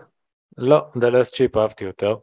Um, כאילו הוא לא איזה במאי של סרט, הוא לא עשה את רוקי אחד והוא לא עשה איזה משהו שכאילו אתה מקשר אותו קלינט איסטווד עם מכתבים מאיבו ג'ימה או משהו כזה, שאתה מקשר אותו לאיזה משהו ואתה אומר וואו זה יישאר בתרבות לנצח, אבל uh, הוא לקח אותו בטריקים ותכלס תיקחו סרט של מייקל ביי ותקבילו אותו לכמה פרקים של G1, זה לא כזה שונה, זה בלאגן בלאגן בלאגן בלאגן, בלאגן בלאגן בלאגן בלאגן, בסוף נאום מוטיבציה של אופטימוס פריים, ובסרט הבא הכל מתחיל מההתחלה. כאילו, אתם רוצים את הנאום מהסרט, מסוף הסרט הראשון, אני בטוח שלפחות שניים מאיתנו יכולים לדקלם אותו. אז כאילו, זה עובד, כאילו, בסופו של דבר, תגידו עליו מה שתגידו עליו, הוא נתן לנו כן סדרה של סרטים, ואני חושב שגם אם אנחנו מדברים רק על הסרט הראשון, כשישבתי וראיתי אותו פעם ראשונה בקולנוע, לא היה שם כמעט דבר אחד שלא אהבתי, כאילו גם את העיצובים אהבתי, זה היה שונה, זה היה חדש, אבל עדיין קיבלתי את אה, פיטר קולן אחרי הטרילוגיית יוניקורן, ואחרי R.I.D, ואחרי ביסט משינס, ואחרי כל הזבלה הזה שבא בין לבין, כאילו לא היו סדרות מופת גם על הדרך. אני אהבתי נורא את R.I.D כי החזירה לי את המכוניות, אבל פתאום ב live action לקבל את זה על, על מסך קולנוע, זה היה ממש מגניב, ולקבל את פיטר קולן בתור אופטימוס פריים, ואני זוכר את הקטע הזה שרואים את המשאית על הגבעה והפאנלים נסגרים וקולטים שזה אופטימוס פריים, והוא אשכרה פה, כאילו, הנה הוא. והשינוי צורה הראשון שלו שלקח שעתיים, ובראש שלי ניסיתי להקביל את זה, לק... וזה לא בדיוק עבד, כי זה לקח פי ארבע יותר זמן, אבל רק חיכיתי לראות את הראש, ולמרות שהפרצוף היה מכוער, זה עדיין היה כזה, הוא מדבר בקול, הוא, הוא אומר את זה, למה הוא שואל אותו על אי-ביי? אבל כאילו, סבבה, הוא לקח משהו, הוא אמנם זרק עלינו הרבה, אבל גם נתן לנו הרבה דברים טובים, אז כאילו, כזה, זה חמישים חמישים, זה קצת טוב, זה קצת לא טוב, אבל זה שם, וזה שם כבר מעל עשור, אז כבודו במקומו. אז אני חייב להוסיף את זה, קודם כל זה כבר 15 שנה, אם אני לא טועה, מאז שהוא התחיל את זה, 2007 הסרט ראשון. אה, תראו, מייקל ביי ידוע בתור אומן הפיצוצים, הפצצות, זה... טוב, בוא נפוצץ מכונית, לא, לא, לא, בוא נפוצץ מגרש מכוניות, לא, בוא נפוצץ מטוס, לא, לא, בוא נפוצץ מטוסים, וכן הלאה וכן הלאה, זאת אומרת מייקל ביי הרי ידוע באומנות הפיצוץ הוויזואלית אה, וכן הלאה. ופה גם כן נתנו לו franchise, אמרו לו, תתפרע, וזה מה שהוא עשה. עכשיו, אני האחרון שיגיד שאני חובב מייקל ביי, וחוץ מהסרט הראשון, כל סרט אחר מבחינתי הוא נפילה ו down hill עד החמישי שהוא הזוועתי בעיניי, אבל, וזה תמיד אני מסכים אה, גם עם איתמר וגם עם זיו בנושא הזה וגם עם כל אחד אחר שאומר את זה, מייקל ביי הרים חזרה את המותג. נכון שהיו עדיין אה, סדרות והיו קומיקסים והיו דמויות וביפן זה עדיין, זה מעולם לא הפסיק, ארה"ב הייתה קצת ירידה ועלייה אבל תמיד היו דור חדש של ילדים שקנו דמויות חדשות וכן הלאה. אבל פה מייקל ביי עשה משהו אחר, משהו חדש, אם זה דמויות חדשות, אם זה עיצובים חדשים, אם זה אה, סרט עם בני אדם חדשים ודמויות חדשות, הוא עשה פה משהו, וחייבים להודות שהוא בהחלט, כמו שאתם אומרים, אה, מחזיק את ה franchise הזה כבר חמישה סרטים, הוא גם מפיק בסרטים הבאים, וזה לא מפסיק. עם כל זה שיש שוב המון המון ביקורת על איך שהוא עשה את זה, אבל אי אפשר לקחת ממנו את הנושא הזה. ומשהו נוסף, בכל הנוגע למייקל ביי, אם אני לא זוכר, באחד הראיונות איתו הוא דיבר על זה שכמו אה, אה, שאמרת, הוא החליט לעשות הרובוטריקים כפי שהוא רצה. בגלל זה גם המכוניות לא כל כך קשורות לשמות, ובגלל זה ברגע שהם סגרו עסקה עם ג'נרל אה, מוטורס, עם GM על, על המכוניות, אז יאללה, סגרנו עסקה, אלה המכוניות שיהיו, וזהו. והמעריצים התלוננו ובכו והתעצבנו. הוא אמר, בעיה שלכם, לא שלי. וזה נכון, זאת אומרת, זה בסדר גמור, כאילו גם מבחינת להכניס כסף נוסף מותג מכוניות, לסגור איזושהי עסקה כדי להרוויח לסרט הזה עוד כסף, אה, וגם כדי שיוכלו להמשיך לפתח, עובדה שהסרט הזה השקיעו בו 150 מיליון, עשה 700 מיליון, ואת כל הסיבות שבעולם לייצר סרט המשך, המשך, המשך ועוד המשך. זה מעניין בקשר למכוניות, כי הם חיפשו באמת, הם רצו שזה יהיה מכוניות אמיתיות שאפשר לראות על הכביש, אה, ולקח לו להם הרבה זמן למצוא חברה שתעשה איתם דיל, ואחרי הסרט הראשון ושראו כמה הוא הרוויח, חברות מכוניות התחילו לבקש מהם, היו מוכנים לשלם להם כסף לפרמונט כדי שהרכבים שלהם יופיעו בסרטים. אם אתם זוכרים בסרט השני, זה פעם ראשונה שהופיע רכב שהוא לא של GM, שזה היה את האאודי, אוקיי? סיידווייז, כן? והוא הופיע רק בתחילת הסרט, חתכו אותו לחצי, ובזה זה נגמר. והם שילמו על זה איזה שני מיליון דולר רק בשביל שהרכב יופיע בסרט. כאילו, ואחר כך הם התחילו כבר להתפרע עם כל מיני אה, רכבים כבר פחות היה אכפת וכאילו לחברות הפקה ולחברות הפקה מול הדיל מול GM והתפרעו, זה גם כן באמת, אה, אני זוכר שלא מייקל ביי סיפר את זה, אבל זה אחד המפיקים אה, אמר שלקח להם הרבה זמן למצוא דיל עם איזה חברה ש, שיהיה את הרכבים האלה. אה, ואז כן, הם היו מוגבלים גם כן במה לכל אחד יהפוך, כי אי אפשר היה לעשות את הפורש או את, ה... אה, או את הלמבורגיני או את כל הדברים האלה. זה מה שקיבלנו. מה שעוד קיבלנו מאוד נחמד זה צעצועים חדשים. אז לפני זה, לפני זה אני כן? רק, רק עוד אזכור קטן שכן היה ניסיון להרחיב טיפה את העולם הזה עם קומיקס ועם המשחקים. אה, יש את הקומיקס שהוא הפריקול של הסרט הראשון שמראה את ארצ'יבלד וויטוויקי ואיך הוא קיבל את ההטבעה על המשקפיים, כי בסרט הראשון למעשה מחפשים את המשקפיים שהם המפה ל AllSpark, אה, אז יש קומיקס שמסביר איך זה קרה, ויש את המשחקים, אה, המשחק של הסרט הראשון לצורך העניין, שלוקח אותנו קצת לסקטור 7 ולוקח אותנו לכל מיני דברים שקרו מסביב לעלייה, כדי קצת לתת יותר מושג על מה קורה שם. עכשיו, להגיד שזה היה טוב, זה לא היה כזה מוצלח. המשחק בכלל היה מעצבן, אה, כל השלבים היו על זמן, אה, אם רציתם לעשות free roaming אז זה היה בבאמבלבי אופטימוס, ויש מצב שעם בלקאוט ועם מגטרון, כאילו ארבע דמויות. את סטארסקרים היה אפשר לשחק. סטארסקרים היה בשלבים המתוזמנים, כמו ג'אז, גם ג'אז היה על זמן, ואיירונהייד היה על זמן. אמ, כאילו הדמויות ש, שאשכרה רצית לעבור ביניהם, כי רצית לראות קצת יותר טוב איך הם, נרא, איך הם נראות, אה, כי במודלים של המשחק יכלת רגע להתעכב, יכלת לסובב את המצלמה, יכלת לראות קצת פרטים, אז לא יכלת, כי בשלב עצמו אה, היו גלים של אויבים, שזה היה מגוחך, והכל היה מתוזמן באיזה שתי דקות השלב, ואם הזמן היה נגמר היית מפסיד. אה, במשחק השני קצת עשו את זה יותר נחמד, אבל זה עדיין היה משחק אה, סרט עין כזה, לא כזה זה, אה, וגם היה קומיקס שגם טיפה הרחיב את הסיפור, אבל גם לא בצורה כזאת מוצלחת. אז כן, היה ניסיון קצת לקחת את זה לאיזה מקום יותר רהוט, אבל זה עדיין כאילו סרט אקשן של קיץ, שניסו לתת לו קצת יותר תוכן. אז כן, אז הגענו לצעצועים, אני חושב, ש... אני חושב שהגיע הזמן. אוקיי, okay. אז אה, כן, יצאו הרבה צעצועים, כמובן יצא עשרות צעצועים לכל הדמויות המרכזיות בסרט, אה, שבמצב רכבים, מסוקים, מטוסים, לא יודע, הם פחות או יותר נראו דומה, במצב רובוט, חלקם הצליח, חלקם לא כל כך הצליח, למשל אופטימוס פריים הוא יותר לבנה מאשר הרובוט שנראה על המסך ורק בליין של הסרט השני יותר שיפרו אותו שיראה מאוד uh, דומה. Uh, ג'אז גם כן uh, היה מוזר, אני חושב שהכי קרובים זה היה איירון הייד, רצ'ט וסטארסקרים. ג'אז גם היה יחסית בסדר.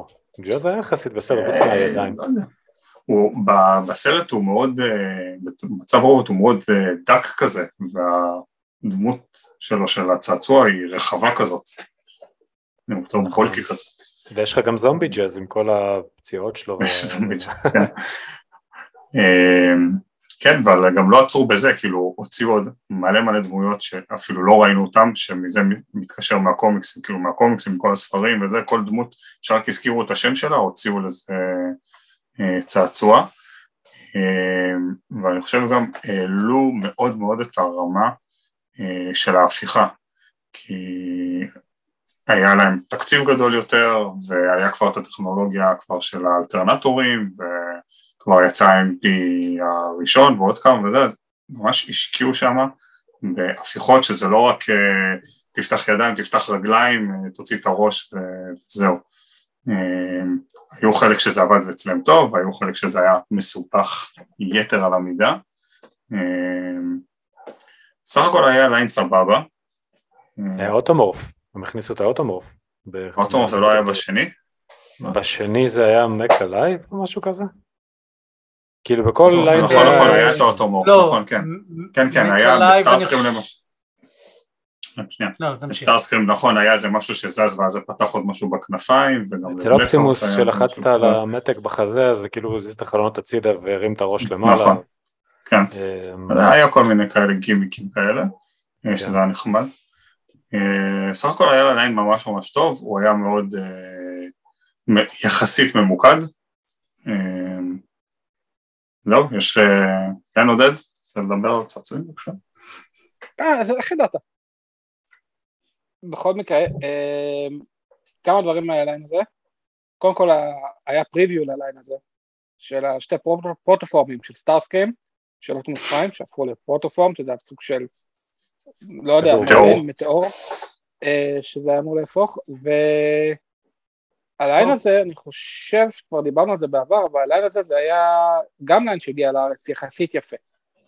יחסית יפה, והיה אפשר למצוא אותו בחנויות, אה, וזה זה היה, אז זה היה, זה היה מטורף, כאילו, אני חושב שחוץ מסטארסקרים שהזמנתי מחו"ל, ואולי אופטימוס, לא הייתי צריך להזמין שום דבר מחו"ל. אופטימוס לא היה בארץ. כן, כן, חוץ מאופטימוס וסטארסקרים, הכל היה בארץ. אני זוכר שגם נפגשנו... אני חושב שמגטרון היה בארץ. אני חוש... זוכר שגם נפגשנו כמה חבר'ה מה... מהפורום, קבענו באור יהודה ליד הפיראט האדום שם, ליום שבו שוחררו הצעצועים, והלכנו לקנות, וכאילו אז, כאילו הגל הראשון של הצעצועים היה, הלכנו כמה חבר'ה ביחד לקנות את הצעצועים של הרובוטריקים, ואז גם היה, אם אתם זוכרים, את הקלאסיק טופק הזה של מגאטון ואופטימוס, שהם היו זוועה כזאת, וזה, אז גם כן הכניסו את זה איכשהו לתוך ה line הזה של הסרט, למרות שזה היה Classics כזה. הם אפילו לא היו Classics, הם היו איזה משהו דלדל כזה. הם היו משהו אחר, כן. ואני זוכר, כל אחד יצא עם בלקאוט ועם רצ'ט וזה, כאילו, כל אחד עשה שם איזה קנייה נחמדה. ועוד היה כן. כמויות. מילה וחצי על האופטימוסים, האופטימוס leader class ה premium זה הכניסה שלי להייד פארק, ככה הגעתי אליכם, וב-Voyager זה הדמות הראשונה של פיטר קולן, כי הוא הופיע כשסגרו את הדלת של המשאית. נכון, נכון. היה מיני פיטר פיטר קול- קולן. מה זאת אומרת הופיע? אה, לא הבנתי. היה כאילו הולוגרמה של נהג, והנהג של ה-Voyager זה היה פיטר קולן. זה היה כחול כזה. שהיה הופכים, שהיה אופטימוס הופכים, לא פריים. לגמרי, זה היה פלסטיק, ב-Voyager אופטימוס פריים, כן. שהוא היה הופך למשאית, היה יוצא נהג קטן, אה, וואו, נכון, נכון, נכון. זוכר, זוכר. שפותחים את שאמרו הדלת, שזה הוא היה נעלם. כן, כשפותחים כן. את הדלת הוא היה נעלם, הוא היה כאילו עף לתוך ה- לתוך המשאית, כן, אני אבל זוכר כשסגרו את את זה. הדלת הוא היה מופיע במושב הנהג, וזה כאילו הדמות היחידה של פיטר קולן. כן, אני זוכר. עוד משהו, אפרופו- אוקיי. אתה פה זה בטוח. טעים עם גבינה. כן. עוד משהו שהיה קשור לסרטים, כמו שדיברנו על זה, זה licensing, וזה גם מסביר חלק מהצורה שלהם ולמה ספציפית צורת הרכב הייתה כל כך מושקעת כמעט בכולם. licensing, פרמונט השתתפו ב-licensing, מייקל ביי השתתף ב-licensing, והמכוניות, הכל היה license, GM היה עם רישיון, ולוקהיד, המטוס, המסוק היה עם רישיון, לוקהיד מרטין, ואני חושב שגם המטוס של סטארסקרים היה עם רישיון, חוץ ממגטרון שהפך לפיכס, ולאופטימוס פריים שהפך לקסטום דה, קסטום דה טראק, כל השאר היה להם רישיון, אה ולייזרביק שהפך ל... במבלבי. מה זה היה? במבלבי? היה קונספט קמרו, לא? היה לא. רישיון, כן. היה, נכון. לא, לא, זה היה היה. קונספט, זה היה קונספט קמרו, אבל שבאמת הייתה על הכביש. אה, זה היה חשבתי שזה היה קונספט קונספט, כאילו שזה לא לא, באמת לא. האוטו.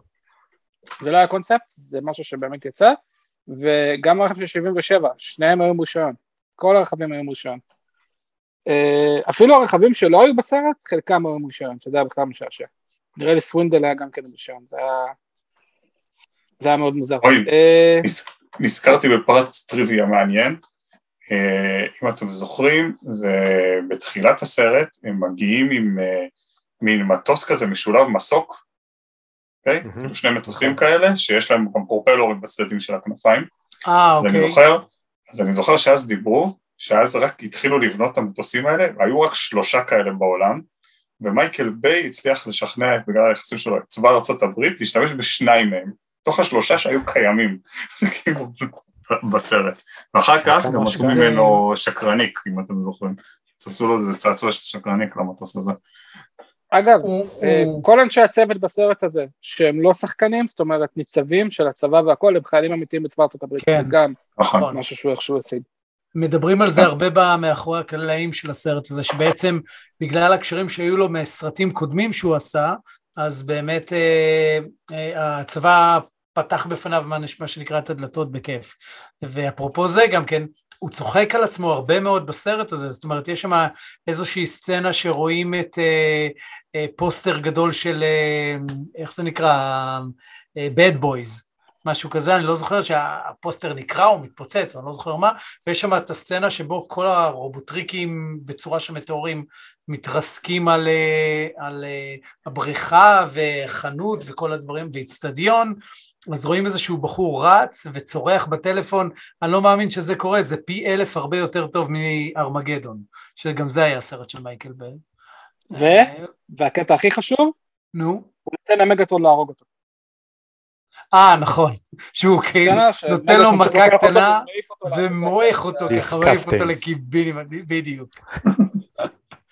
אמ, משהו קטן לגבי הצעצועים, אני חושב שהאופטימוס פריים לידר שיצא, היה בו משהו שכשראיתי אותו, ואני אני גם דיברתי עם אחרים, ו- והם גם היה להם את אותה תחושה, זה שהגרסה, הג, אה, רק שנייה, הגרסה בעצם הייתה, אה, אה, רגע, זהו, הגרסה הייתה בעצם אה, אה, משהו שהם לא היו עדיין סגורים על איך הם רוצים להציג אותו, כי עדיין היה להם את הזיכרון של G1, ומצד שני היה להם את הדמות של הסרט. כי הוא לא ממש דומה לסרט, ויש פה משהו במוטיבים של הצעצוע לידר שמאוד G1.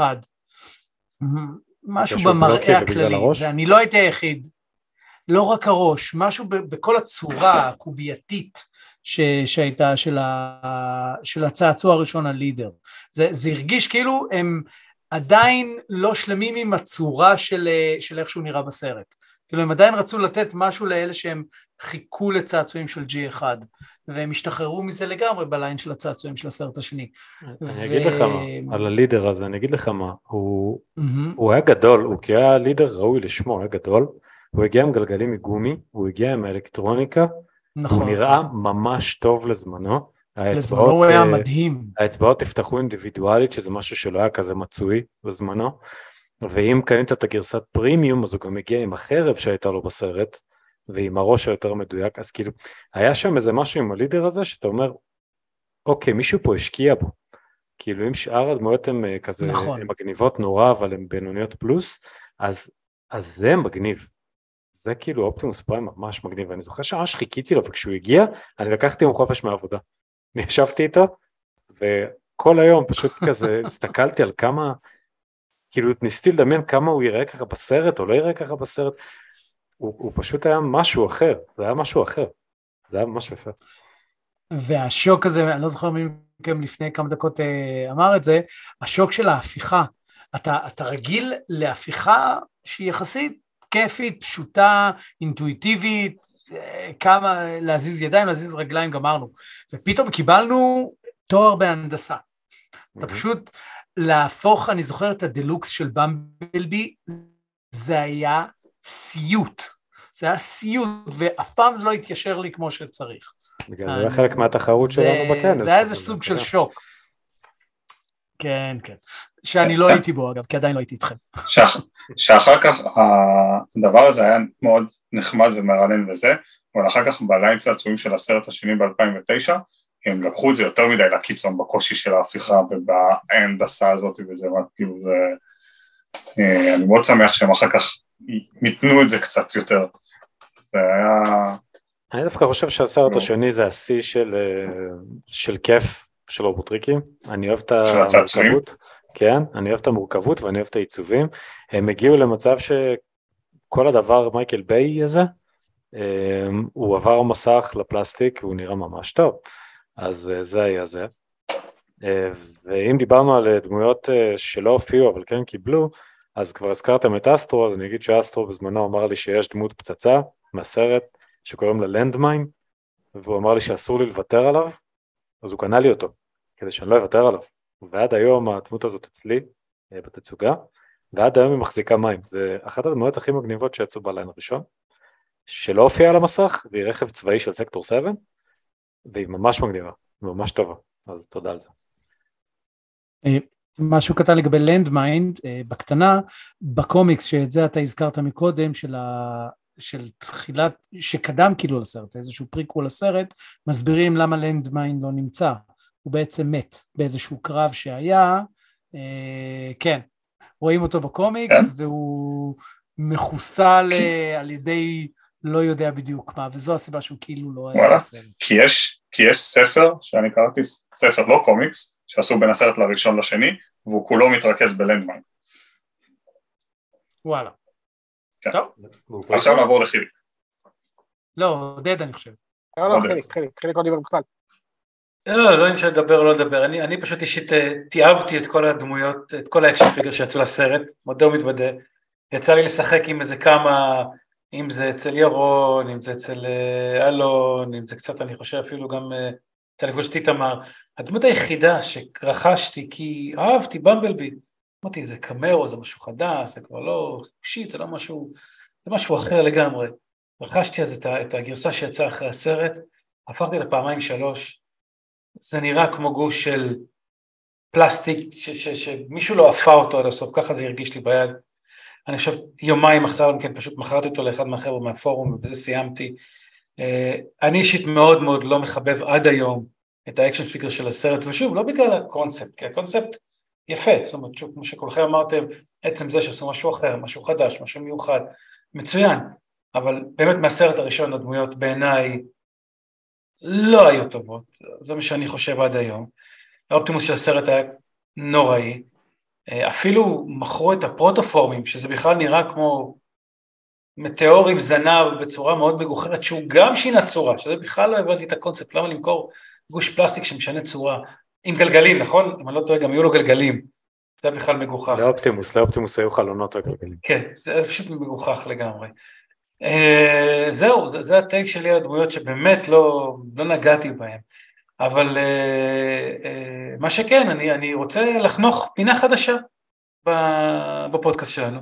רגע, רגע, אני חושב שניתן לעודד רגע סליחה, לפני כן, אני חושב שעודד רוצה להגיד לנו משהו, כן? אה, מעולה.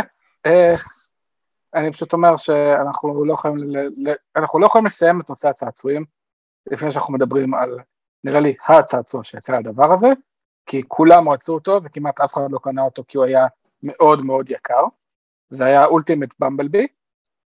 נכון. אני לא יודע אם מישהו מכם זוכר את הדבר הזה. ירון לי היה אותו. לי היה אותו. אה, אז ירון גם מספר על הפיצ'רים שלו, כי הוא היה אנימטרוני, וזה היה מטורף, כאילו בזמנו זה היה באמת פורץ דרך. ירון? נכון, נכון, הוא היה ענקי, אם אנחנו משווים אותו נגיד למה של היום, היה משהו בסגנון המיקרו משינס, נכון? זה כמו הבסיס מיקרו משינס לא, לא, לא. הוא הפך לקמרו ענקית, הוא היה עם אלקטרוניקה שברמה כזאת שגם אם, אם הוא פועל, אם עוברים לידו, אז הוא מתחיל לדבר איתך, רק כאילו שהוא קולט שמישהו עובר, עובר לידו, הוא היה יכול לראות טיל, היה לו מסכה שיורדת, היה לו מלא מלא משפטים, קולות, הוא, הוא דיבר יותר מהדמות בסרט, והוא היה ענק, זה, הוא היה מסיבי, והוא היה, זה לא יחסי, כאילו, הוא עלה אז, אם אני זוכר, כאילו, הוא נחשב מאוד יקר, אבל הוא עלה באזור ה-50-60 דולר, בוא נגיד אם הדמות הזאת הייתה יוצאת היום, זה היה לפחות איזה 250 דולר עם כל מה שהשקיעו בדבר הזה, כי הוא היה ענק, ואם היה לו ארטיקולציה טובה, והוא זז לבד, כאילו הוא זיז את הידיים לבד, את הראש לבד, את ה... היה... הדלתות שהיו הופכות לכנפיים היו זזות אה, אוטומטית, זה היה דמות באמת ממש ממש מגניבה. אפילו אפילו היה לו שיר, לייסנס, אני לא זוכר איזה שיר זה היה, אבל היה... נכון, היה לו שיר שם, ועם כל זה אני מאוד שמח שמכרתי אותו. למה? למה? כי קיבלתי עליו הרבה כסף. אה, אוקיי. כן, אני זוכר שכשהציגו אותו לראשונה זה היה וואו מטורף, וכן, אני זוכר שהוא עלה המון כסף, והיה שלב מסוים שרציתי לקנות אותו, אבל אז בדיוק יצא ה-Ultimate של הסרט השני, שאומנם הוא לא היה מתוחכם כמו הגרסה הזאת, אבל הוא היה הרבה יותר נאמן לסרט, אתה מדבר על, על, על ה-Human Alliance? לא, לא, לא, לא, לא, לא. הייתה גרסת Ultimate של הסרט השני, ויש לי אותה עד היום, שהוא גם הגיע, היו שתי גרסאות, או צהוב רגיל או בצבע מוזהב, והוא הגיע עם עוד שתי דמויות Legends. Uh, uh, והגרסה עצמה עם המון תאורה, המון uh, משפטים שהוא מדבר, וההפיכה שלו הייתה מאוד מאוד מעניינת, ו... וזהו, ואני אישית העדפתי את הגרסה הזאת, כי הוא היה יותר במראה החיצוני דומה לבמבלבי של הסרטים, ואז ויתרתי על ה-Ultimate של הסרט הראשון. אז בואו נסגור את הקטע של הצעצועים, אנחנו כבר בצעצועים, אז בואו נסגור את הקטע של הליינים שהגיעו לארץ. אה, מה שהיה חזק פה זה היה variants-ים. אה, לא היה פה אמנם אופטימוס פריים, אבל ראיתי במלא מקומות ב-TFW וכאלה שמצאו דווקא את Nightwatch אופטימוס פריים, שזה היה כחול שחור כסוף, אה, מוזר כזה. פה בארץ היה את ריקון איירונייט, שזה היה איירונייט כחול, ואני חושב שהיה גם ג'אז מוכסף כזה, שהוא לא רק היה אפור, הוא היה גם כסוף יותר. במבלבי הגיע בשתי גרסאות, הייתה גרסה רגילה עם פרצוף פתוח וגרסת פרימיום עם מסכת קרב, שההבדל היה שהחלקי גוף שלו היו שחורים או אפורים. הווריאנטים היו בשפע, פה משום מה קיבלנו את ה... כאילו 90 אחוז שאני תמיד הייתי נתקל בהם זה ה... לא הגרסה שהופיעה בסרט, אלא איזשהו repaint של משהו אחר, והשגתי את איירונייט של הסרט הראשון לפני שנה וחצי, כי לא רציתי את הכחול. אז הקטע של הווריאנטים תמיד שיגע אותי, כי כל מי שקנה נגיד את Nightwatch אופטימוס פריים ואמר כזה יואו זה מדהים, יואו זה מגניב, היה כזה לא, לא, זה לא זה, זה כמעט זה, אני לא רוצה את אופטימוס פריים בלילה, אני רוצה את איך שהוא נראה ביום. אז כן, אז גם וריאנטים היו לנו בשפע. גם לג'אז אפילו יצא deco של G1. לכולם, גם לסטארסקרים יצא ת'אנדרקרקר. נכון, נכון. לא, אבל סטארסקרים, סטארסקרים יצא לו deco G1 כזה. נכון. לג'אז ולסטארסקרים, אני חושב שגם לאיירונייד יצא אדום כזה עם פס צהוב. נכון. אה, וגם לראצ'ט. ראצ'ט יצא בלבן, נכון, עם פס אדום, שזה דרך אגב הראצ'ט שאני קניתי, כי לא מצאתי את הירוק בהפקות. את הירוק השגתי לפני שנה וחצי ביחד עם איירונייד. אוקיי. טוב, ונעבור לפינה החדשה של חיליק. בבקשה חיליק. פינתנו החדשה, כי למה לא? אמרנו נחנוך כאן פינה חדשה שמבוססת קצת על ה... מי שהקשיב לפרקים הקודמים יודע שמדי פעם אנחנו אוהבים להגיד כי למה לא, אז אמרנו נחנוך פינה חדשה שבעצם, בעיקר עודד, שתייצר איזשהו, איזשהו דיון בינינו, וכאן השאלה, בגלל שאנחנו עוסקים בסרט הראשון, האם היינו באמת זקוקים לסרט live action, או שהיינו מסתפקים בסרט אנימציה איכותי, טוב, ברמה גבוהה, עם השקעה, השקעה כמו סרט קולנוע, אבל אנימציה. ואני לא מדבר על 1986 הסרט, אלא באמת ב-2007, עם כל הטכנולוגיה שהייתה קיימת בתחום האנימציה, עם כל יכולת הדיבוב, ואני חושב ש-150 מיליון דולר זה היה סכום מטורף אם היו משקיעים בסרט אנימציה, שהיה עולה מעל כל הציפיות עם כל היכולות וכל האפשרויות שרק אפשר לחשוב עליהן בתחום האנימציה המוחשבת.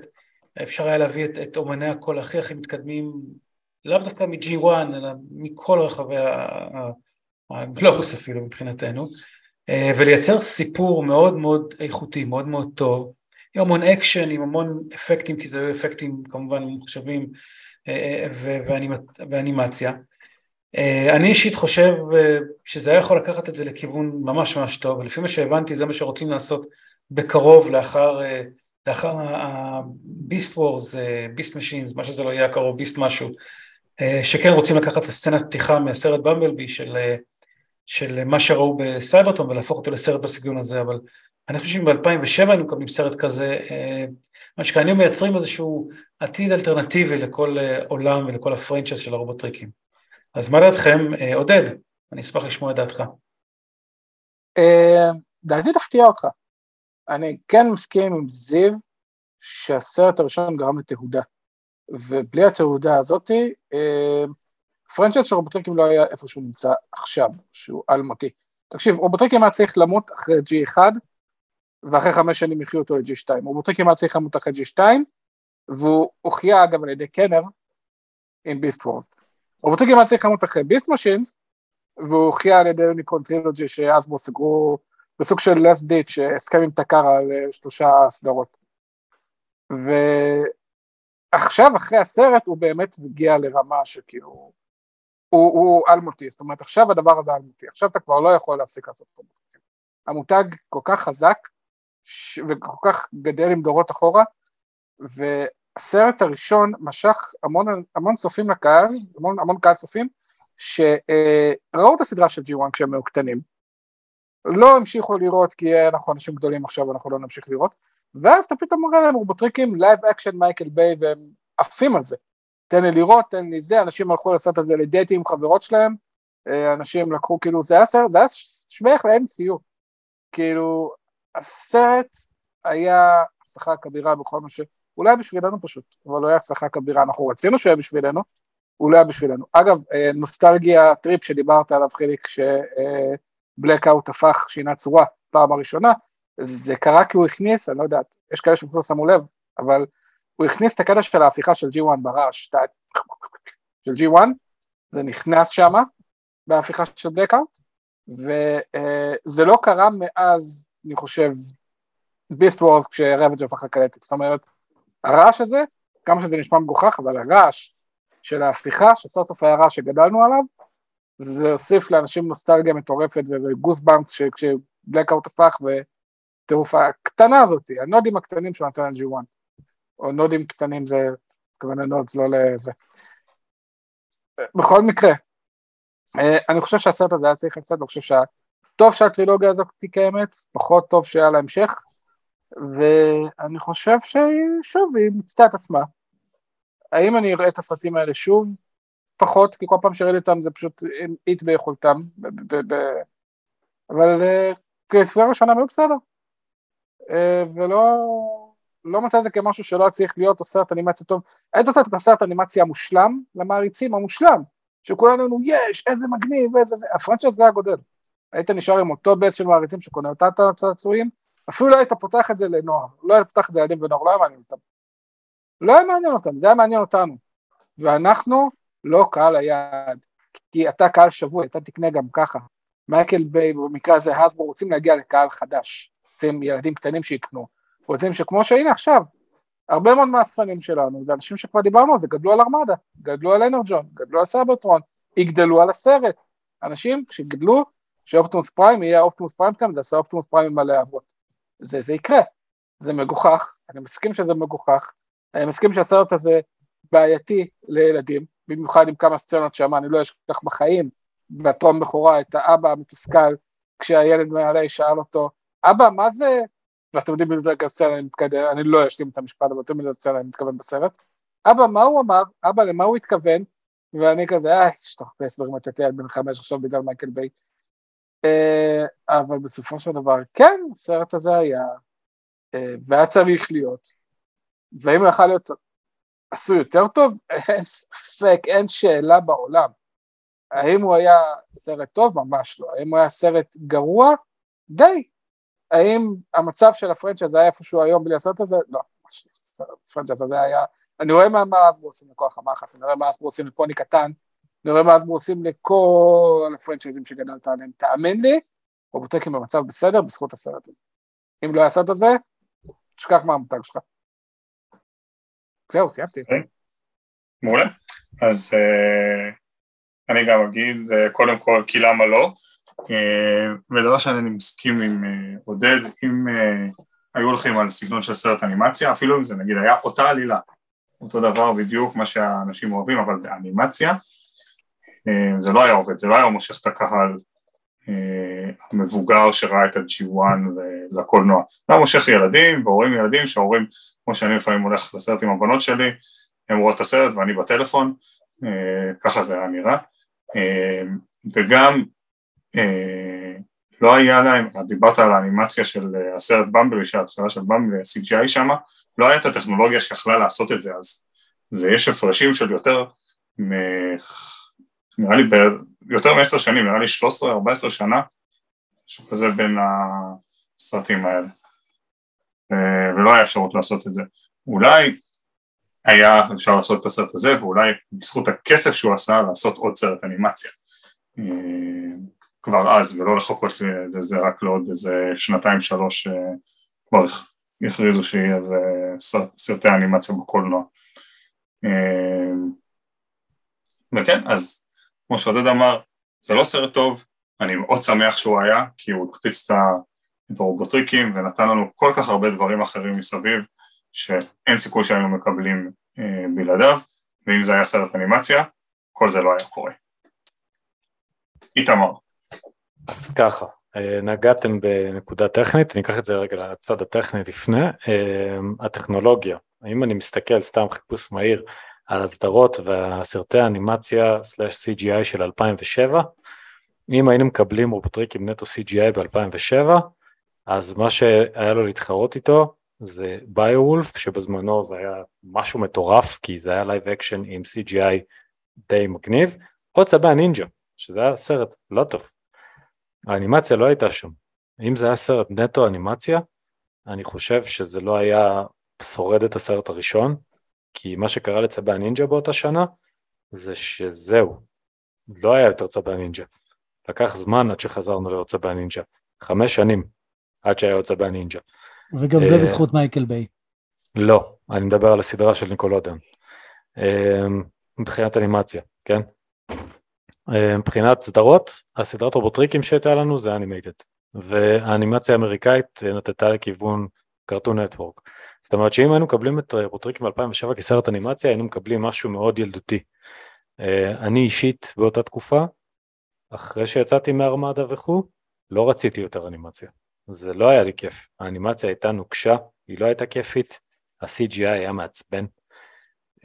לקחת את זה לכיוון ה live action ולמה שהם עשו עם זה, לרקוד מסביב למגבלות הטכנולוגיות עם מלא פאנלים זזים ודיבוב מעולה, הם עשו את זה הכי טוב שיכלו לעשות בזמנו. אז כמה שאני תמיד בעד אנימציה, באותה תקופה אני חושב שזו הייתה ההחלטה הכי שגויה לקבל, ולעשות את הסרט כמו שהוא, ואומנם זה הוביל אותנו לסדרה שהיא נטו live action, אבל זה החייה את המותג כמו שעודד אמר, זה עבר את המגבלות הטכנולוגיות כמו שירון אמר, וזה בסופו של דבר נתן לנו משהו שונה, ובוא נגיד ככה, עד אותה תקופה, עד לפני שעשינו 180 מעלות וחזרנו ל-G1 במלוא המרץ, חיפשנו רק את הדברים החדשים, אז, אז זה מה שזה נתן לנו, זה היה משהו חדש, וזה עשה את זה הכי טוב שזה יכול לעשות את זה באותה תקופה. ואני חושב ש... שהייתי שמח לקו הזה של ה live action שמשולב ב-CGI, אם ב Bumblebee ראינו את זה משתפר, אז בסרט הבא זה ישתפר עוד יותר, ולאט לאט כזה, יכול להיות שנתחיל לבלוע את זה קצת יותר בקלות. מגניב. זיו אליך. אוקיי. אה, אני חושב שאתם אה, כולכם די סיכמתם את זה בדיוק את מה שאני חושב. אה, אני חושב, כמו שאמרתי מקודם, אם לא היה את הסרט הזה, המותג הזה, או שהוא היה, הוא לא היה מת, אבל הוא היה נשאר בעיני, בסוג של נישה, ואני חושב שהנישה הזאת הייתה ממשיכה אם זה היה יוצא כסרט מצויר, כי כשזה יוצא כסרט מצויר, אתה לא פונה לקהל המבוגר וגם לא לבני נוער. אתה פונה לילדים נקודה, ואתה נעצר בזה.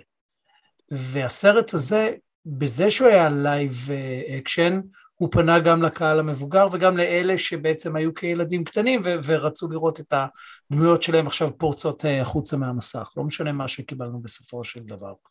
וכן, הסרט הזה הוא סוג של מיילסטון במותג הזה של הרובוטריקים, וזה לא היה קורה אם זה היה סרט מצויר, חד משמעית זה לא היה קורה. אה, זה לא הסרט של 86, שגם הסרט של 86, קהל היעד היה ילדים, לא המבוגרים. אה, ואם אתה רוצה לפרוץ את הגבולות, אתה צריך גם כן לעשות אותו בצורה איך שעשו אותו ב-2007. רק איזושהי הערה קטנה לגבי מה שאמרת, אה, איתמר, שבאמת הם נתנו לנו קצת את ה-G1 בסרט Bumblebee, אבל זה לא יחזור בסרטים הבאים. כי אין מה לעשות, אה, הולכים על ה Beast Wars והולכים על עדיין סוג של קו אה, של מייקל ביי. אני לא אמרתי G1, אני אמרתי מבחינה טכנולוגית לשלב את ה-CGI עם live action. אה, זה יכול להיות עם עיצובים כאלה ואחרים, mm-hmm. לא, אני לא מכוון, אני אישית, ואני חושב שהעברתי את זה גם בפרק הקודם, מיציתי את ה-G1, כאילו אנחנו מדברים על 40 שנה. גם אני. אוקיי, גם אז, אז, אני אז בכלל, לקחת את זה קדימה גם... זה... נכון, משהו חדש, משהו שונה. אז אני פשוט דיברתי על לשלב את זה עם live action, כאילו לקחת אה, עיצובים אה, כאלה ואחרים, לתת לך את ההומאז'ים שאתה חייב לסמן, את הקופסאות שאתה חייב לסמן, אבל אה, לקחת את זה. כאילו אתה מדבר על החמש דקות של הסרט Bumblebee למעשה, הראשונות. אני מדבר על באופן כללי השילוב של live, לקחת Bumblebee כי זה הסרט האחרון שקיבלנו, אז Bumblebee. אוקיי. עצמו, שמשתלב עם, שכחתי איך קוראים לדמות, אבל של היילי סטיינפלד, הוא מתקשר איתה והכל, mm, והוא כן. נראה מאוד מאוד מאוד טבעי בעולם. אם בסרט נכון. הראשון ב-2007, אה, אם תראה אותו היום, אז תראה שאין להם צללים, או בסצנות מסוימות כשהם הולכים על הרצפה או עומדים על הגג של הבית, אין צל והאינטראקציה עם הסביבה היא מאוד משחק מחשב, אז בבמבלבי הוא ממש הצליח לשלב אותו, להטמיע אותו בסביבה בצורה ש... שהוא נראה שם, הוא באמת שם. אמ, אז משהו כזה, לקחת את זה קדימה, ונגיד שבסרט הבא עכשיו יהיה לך את אה, Rise of the Beasts, אז אופטימוס פריימל יטפס לך על עץ והעץ יגיב בהתאם, אתה יודע, דברים כאלה. אה, הבנתי אותך. לסרטים הבאים, השילוב הטכנולוגי אה, יכול לעשות לזה רק טוב, זאת אומרת, הבחירה בלקחת את זה ל live action בניגוד לאנימציה נטו, אה, הייתה יחסית, לדעתי, כן, זו דעתי, היא יחסית mm-hmm. בחירה חכמה, כדי למשוך קהל יותר מגוון. חד משמעית, וזה עבד, וזה, בזכות זה היום המותג הזה חי, קיים ובועט. מה שהזוי זה שכבר עברו 15 שנה, שאם נשווה את זה נגיד למותג של הרובוטריקים שיצא ב-84, אז כאילו אנחנו בשנת 99. זה, זה משהו שהוא לא נתפס בעיניי. תחשבו שהבני נוער שהם היו בני נוער כשהסרט יצא, הם היום כבר בני 30 פלוס. בדיוק. אז אנחנו כן. צריכים להתקדם מהקטע של המשאית המרובעת והחיפושית. נכון. כאילו... לגמרי. סוף בני נוער, אנשים שנולדו בזה של הסרט הם כבר בני 15-16. נכון. הבן שלי נולד ב-2007, הבכור, היום הוא בן 15 וחצי. בבקשה. אה, טוב, ובנימה אופטימית זאת, אה, נסגור את הדיון בכך ש... בוא נודה כן. לחשודים הרגילים. אני אסגור את? הדיון, כן, אבל אה, אני הולך לעשות מניפסט סטייל חיליק, אה, ואני רוצה להגיד, אה, if I can be serious for a moment, אה, אם לא היה את הסרט הראשון, אז בעיקרון לא היינו מכירים את איתמר וג'ו כנראה.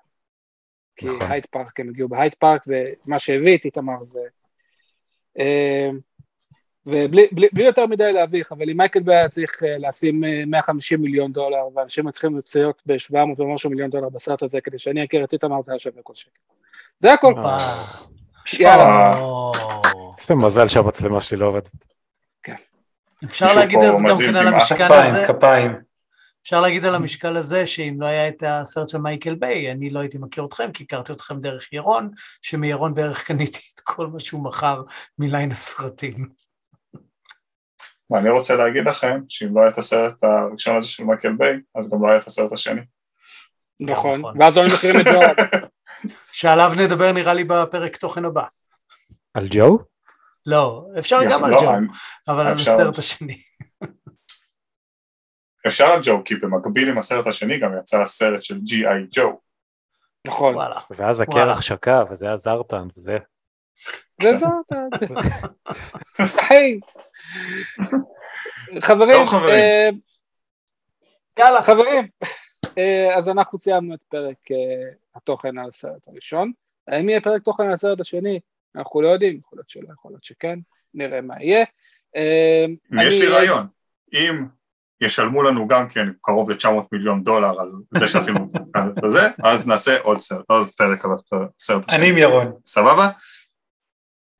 סבבה לגמרי, אני רוצה רק, מוכן, אה, אני רוצה רק להשיק את הפודקאסט שלי ושל זיו, אה, רובוטריק עם מייקל ביי, הסקירה, אה, הוא מתחיל אה, ממחר. אז אה, אני מניח שמישהו פה קיבל את ה-900 מיליון דולר ולא רוצה לספר לנו. זה יהיה הסכת במבוכה הדבר הזה. אז כאילו, טוב יאללה בואו נסגור. יאללה. יאללה חברים, אז אני הייתי ו- ועודני עודד שרון, ואיתי היה ירון זילברברג, חיליק חימוביץ', איתמר אבידני, ואפילו זיו פלדמן, ואנחנו דיברנו על. רובוטריקים הסרט הראשון, ואנחנו נתראה בפרק הבא של רובוטריקאסט, שיהיה פרק מספר 19. שזה וכרגיל, וכרגיל תודות לכל המאזינים, מאזינות, תודה רבה לאלון על העריכה, לאלי על הלוגו והפתיח. אם יש לכם שאלות, טענות, מענות, רוצים אה, לשאול אותנו משהו לדבר עליו אה, בפודקאסט, אתם מוזמנים אה, ליצור איתנו קשר בפרטי. וזהו, עד הפעם הבאה. אינכם מאזינים כעת לרובוטריקאסט, הסכת בהסוואה.